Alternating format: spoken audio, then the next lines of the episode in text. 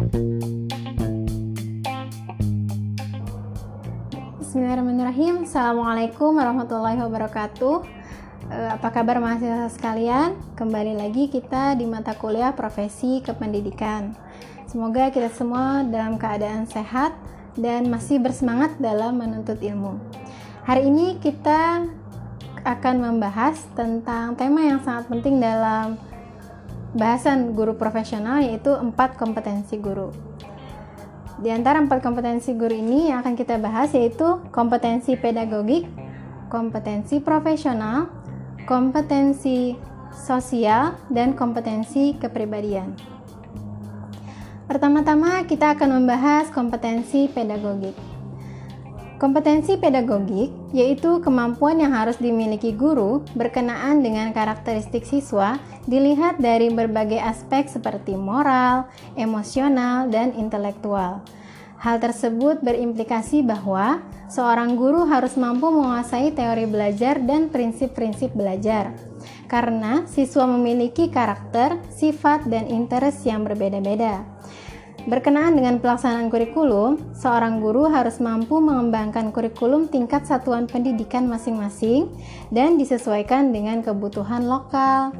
Guru juga harus mampu mengoptimalkan potensi peserta didik untuk mengaktualisasikan kemampuannya di kelas dan harus mampu melakukan kegiatan penilaian terhadap kegiatan pembelajaran yang telah dilaksanakan. Di antara kemampuan guru yang berkaitan dengan kompetensi pedagogik yaitu pertama, penguasaan terhadap karakteristik peserta didik dari aspek fisik, moral, sosial, kultural, emosional, dan intelektual. Kemudian, penguasaan terhadap teori belajar dan prinsip-prinsip pembelajaran yang mendidik. Yang ketiga, mampu mengembangkan kurikulum yang terkait dengan bidang pengembangan yang diampu. Kemudian, menyelenggarakan kegiatan pengembangan yang mendidik, memanfaatkan teknologi informasi dan komunikasi dalam pembelajaran, memfasilitasi pengembangan potensi peserta didik, berkomunikasi secara efektif, empatik, dan santun, melakukan evaluasi terhadap proses pembelajaran, memanfaatkan hasil tersebut untuk evaluasi kepentingan pembelajaran, dan melakukan tindakan reflektif untuk peningkatan kualitas pembelajaran. Kemudian yang kedua yaitu kompetensi kepribadian. Kompetensi kepribadian adalah kompetensi yang berkaitan dengan tingkah laku pribadi guru itu sendiri yang kelak harus memiliki nilai-nilai luhur sehingga terpantul dalam perilaku sehari-hari. Hal ini dengan sendirinya berkaitan dengan falsafah hidup yang mengharapkan guru menjadi model manusia yang memiliki nilai-nilai luhur. Di Indonesia sendiri, sikap pribadi yang dijiwai oleh sifat Pancasila mengagungkan budaya bangsanya yang rela berkorban bagi kelestarian bangsa dan negaranya. Termasuk hal ini juga termasuk dalam kompetensi kepribadian guru. Dengan demikian, pemahaman terhadap kompetensi kepribadian guru harus dimaknai sebagai suatu wujud sosok manusia yang utuh. Kompetensi pedagogik mohon maaf, kompetensi kepribadian tadi antaranya di antaranya yaitu Oke, yang ketiga yaitu kompetensi profesional. Kompetensi profesional guru adalah kemampuan yang harus dimiliki guru dalam perencanaan dan pelaksanaan proses pembelajaran. Guru mempunyai tugas untuk mengarahkan kegiatan belajar siswa untuk mencapai tujuan pembelajaran, dan untuk itu guru dituntut mampu menyampaikan bahan pelajaran dan harus selalu mengupdate dan menguasai materi pembelajaran yang disajikan. Persiapan ini dimulai dengan mencari materi atau informasi melalui berbagai sumber seperti buku, e, mengakses internet, ataupun dari perkembangan dan kemajuan yang ada pada artikel-artikel pada jurnal ilmiah. Kemampuan yang harus dimiliki guru dalam proses pembelajaran dapat diamati dari aspek profesional yaitu menguasai materi, struktur, konsep, dan pola pikir keilmuan yang mendukung mata pelajaran yang diampu, kemudian menguasai standar kompetensi dan kompetensi dasar mata pelajaran atau bidang pengembangan yang diampu, mengembangkan materi pelajaran yang diampu secara kreatif, memanfaatkan teknologi informasi dan komunikasi, dan memanfaatkan Oke, yang terakhir atau yang keempat adalah kompetensi sosial. Kompetensi sosial merupakan kemampuan guru untuk menyelesaikan diri kepada tuntutan kerja di lingkungan sekitar pada waktu membawakan tugasnya sebagai guru. Peran yang dibawa guru dalam masyarakat berbeda dengan profesi lain. Oleh karena itu, perhatian yang diberikan masyarakat terhadap guru pun berbeda dan ada kekhususan terutama adanya tuntutan untuk menjadi pelopor pembangunan. Beberapa kompetensi sosial yang perlu dimiliki guru antara lain yaitu terampil berkomunikasi, bersikap simpatik, dapat bekerja sama dengan dewan pendidikan atau komite sekolah, pandai bergaul dengan kawan sekerja dan mitra pendidikan, serta memahami dunia sekitarnya atau lingkungan. Demikian tadi materi tentang empat kompetensi guru. Terima kasih atas perhatiannya. Ibu akhiri untuk materi ini. Wassalamualaikum warahmatullahi wabarakatuh.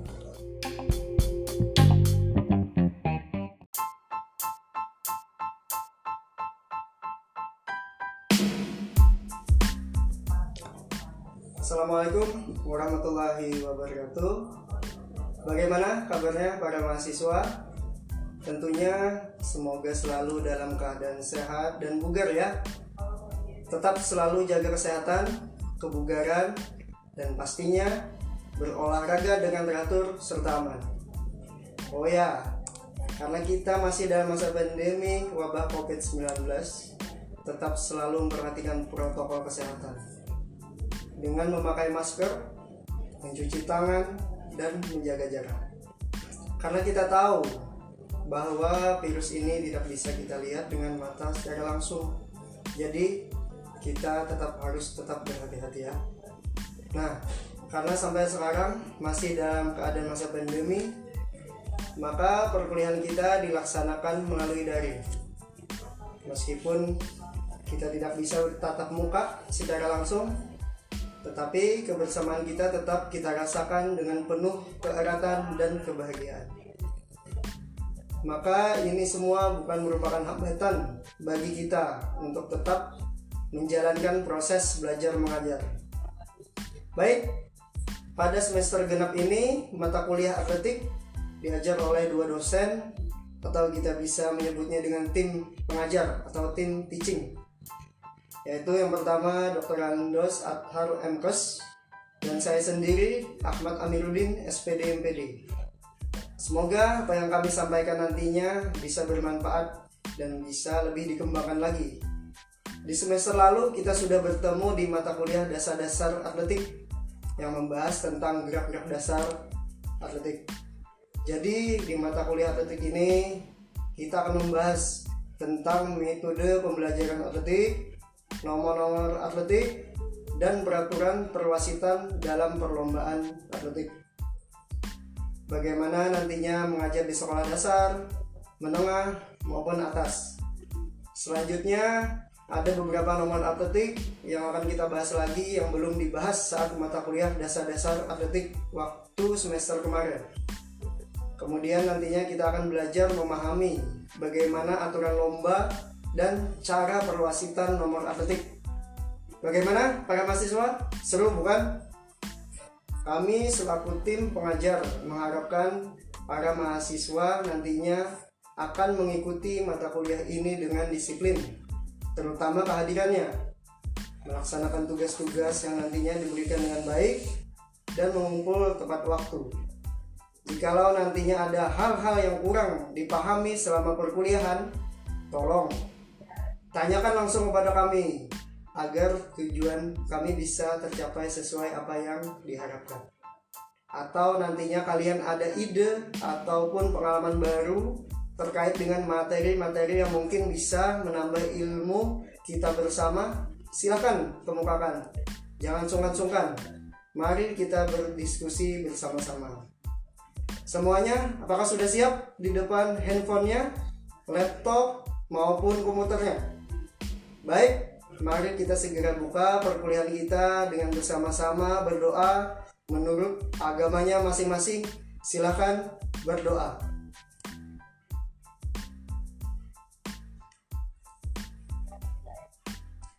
Assalamualaikum warahmatullahi wabarakatuh. Para mahasiswa yang berbahagia dan yang saya banggakan. Bertemu lagi dengan saya Dalam kesempatan ini kita akan melanjutkan materi perkuliahan yaitu materi lompat jauh gaya walking the air atau lompat jauh gaya berjalan di udara. Sebelumnya kita juga pernah membahas tentang materi lompat jauh yaitu gaya jongkok dan gaya melenting. Secara umum tidak jauh beda dengan apa yang kita pelajari sebelumnya yaitu dengan tahapan awalan, tumpuan, sikap badan di udara, dan mendarat. Hanya saja yang membedakannya adalah saat sikap badan di udara. Sesuai dengan materi kita, yaitu lompat jauh, gaya berjalan di udara. Artinya ketika nantinya setelah kita melakukan tumpuan pada saat di udara, maka kita seperti melakukan berjalan. Oke, jangan khawatir. Ini akan mudah dilakukan dengan cara pendekatan-pendekatan yang akan nantinya memudahkan kalian untuk melakukan gerakan tersebut. Baik, sebelum kita masuk ke inti, silahkan kalian terlebih dahulu melakukan. Baik, sebelum kita masuk ke inti, silahkan kalian terlebih dahulu melakukan stretching, peregangan, kemudian pemanasan dengan jogging pelan selama 3 menit sampai 5 menit dan dilanjutkan dengan senam dari leher sampai kaki Tujuannya apa? Yaitu salah satunya untuk menghindari berbagai cedera yang tidak kita inginkan. Jika nantinya kita mengajar peserta didik, boleh nantinya ketika selesai melakukan stretching dan pemanasan, dilanjutkan dengan bermain yang mengarah dengan materi kita. Seperti yang sudah kita praktekkan di semester lalu, jangan lupa periksa dulu terlebih dahulu di sekeliling apakah sudah aman dari benda-benda yang dapat membahayakan peserta didik kita. Ingat, safety, jaga keamanan dan keselamatan peserta didik. Oke ya, setelah melakukan pemanasan, mari kita lakukan pendekatan materi terlebih dahulu. Yang pertama yaitu melakukan pendekatan gaya yang akan kita lakukan. Pertama dengan melakukan lompat dengan dua kaki bersama-sama ke atas tanpa mengangkat lutut ya. Lakukan secara perlahan tanpa tergesa-gesa. Usahakan ketika nantinya badan turun, lututnya juga ditekuk. Ini agar tidak terjadi ketegangan otot atau hal-hal lain yang dapat membahayakan peserta didik. Lakukan sebanyak lima kali dulu ya. Kemudian kasih jeda dengan menggerak-gerakkan kakinya agar tetap rileks kemudian lanjut lagi lakukan sebanyak lima kali. Lalu setelah itu tetap melompat tetapi salah satu kaki membuka ke depan dan ke belakang. Baik itu kaki kanan maupun kaki kiri sebanyak satu kali. Kemudian mendarat lagi seperti semula dengan kaki rapat. Lakukan lagi sebanyak lima kali. Kemudian jika sudah boleh lakukan dengan bergantian. Nah jika nantinya kalian mengajar, buatlah barisan dengan mengatur jarak peserta didik. Begitu ya. Jika sudah mahir, bisa dengan menyilangkan kakinya depan belakang ketika melompat ke atas. Coba lagi sebanyak lima kali, kemudian jeda lagi. Kemudian coba lagi sebanyak lima kali. Jika sudah nah, jika sudah lumayan lancar gerakannya, bisa kita lakukan dengan menggunakan media kardus untuk rintangannya. Jika tidak ada kardus, boleh apa saja yang bisa digunakan, asalkan tetap aman ketika kita melakukan gerakan. Jika kalian melakukan gerakan dengan kardus, bisa susun kardus satu persatu di depan kalian dengan jarak satu setengah meter atau 2 meter. Ketika sudah disusun, salah satu kaki maju ke depan, baik itu kaki kiri maupun kanan. Kemudian lompat dengan melewati kardus yang ada di depan Anda. Ketika badan di atas, lakukan gerakan yang sudah Anda lakukan tadi. Semakin tinggi Anda bertumpu, semakin leluasa Anda melakukan gerakan seperti berjalan di udara. Bagaimana, mahasiswa? Mudah bukan? Jika sudah menguasai, lakukan dengan berlari secara pelan. Lalu lompati kardus tersebut satu persatu. Ingat, jangan lupa ketika kalian mendarat lutut agak ditekuk ya. Untuk gerakan tangannya tetap ikut juga mengayun depan belakang. Sesuai dengan kaki apa yang terlebih dahulu diayun. Baik, saya kira demikian materi kita pada hari ini dan jangan lupa ada tugas untuk kalian yang harus kalian kerjakan terkait dengan materi kita pada hari ini. Mohon untuk tetap membuka simarinya karena tugas-tugas dan materi yang kalian akses saya berikan melalui Simari e-learning. Assalamualaikum warahmatullahi wabarakatuh. Para mahasiswa yang berbahagia, tidak terasa kita sudah mencapai akhir perkuliahan pada mata kuliah atletik.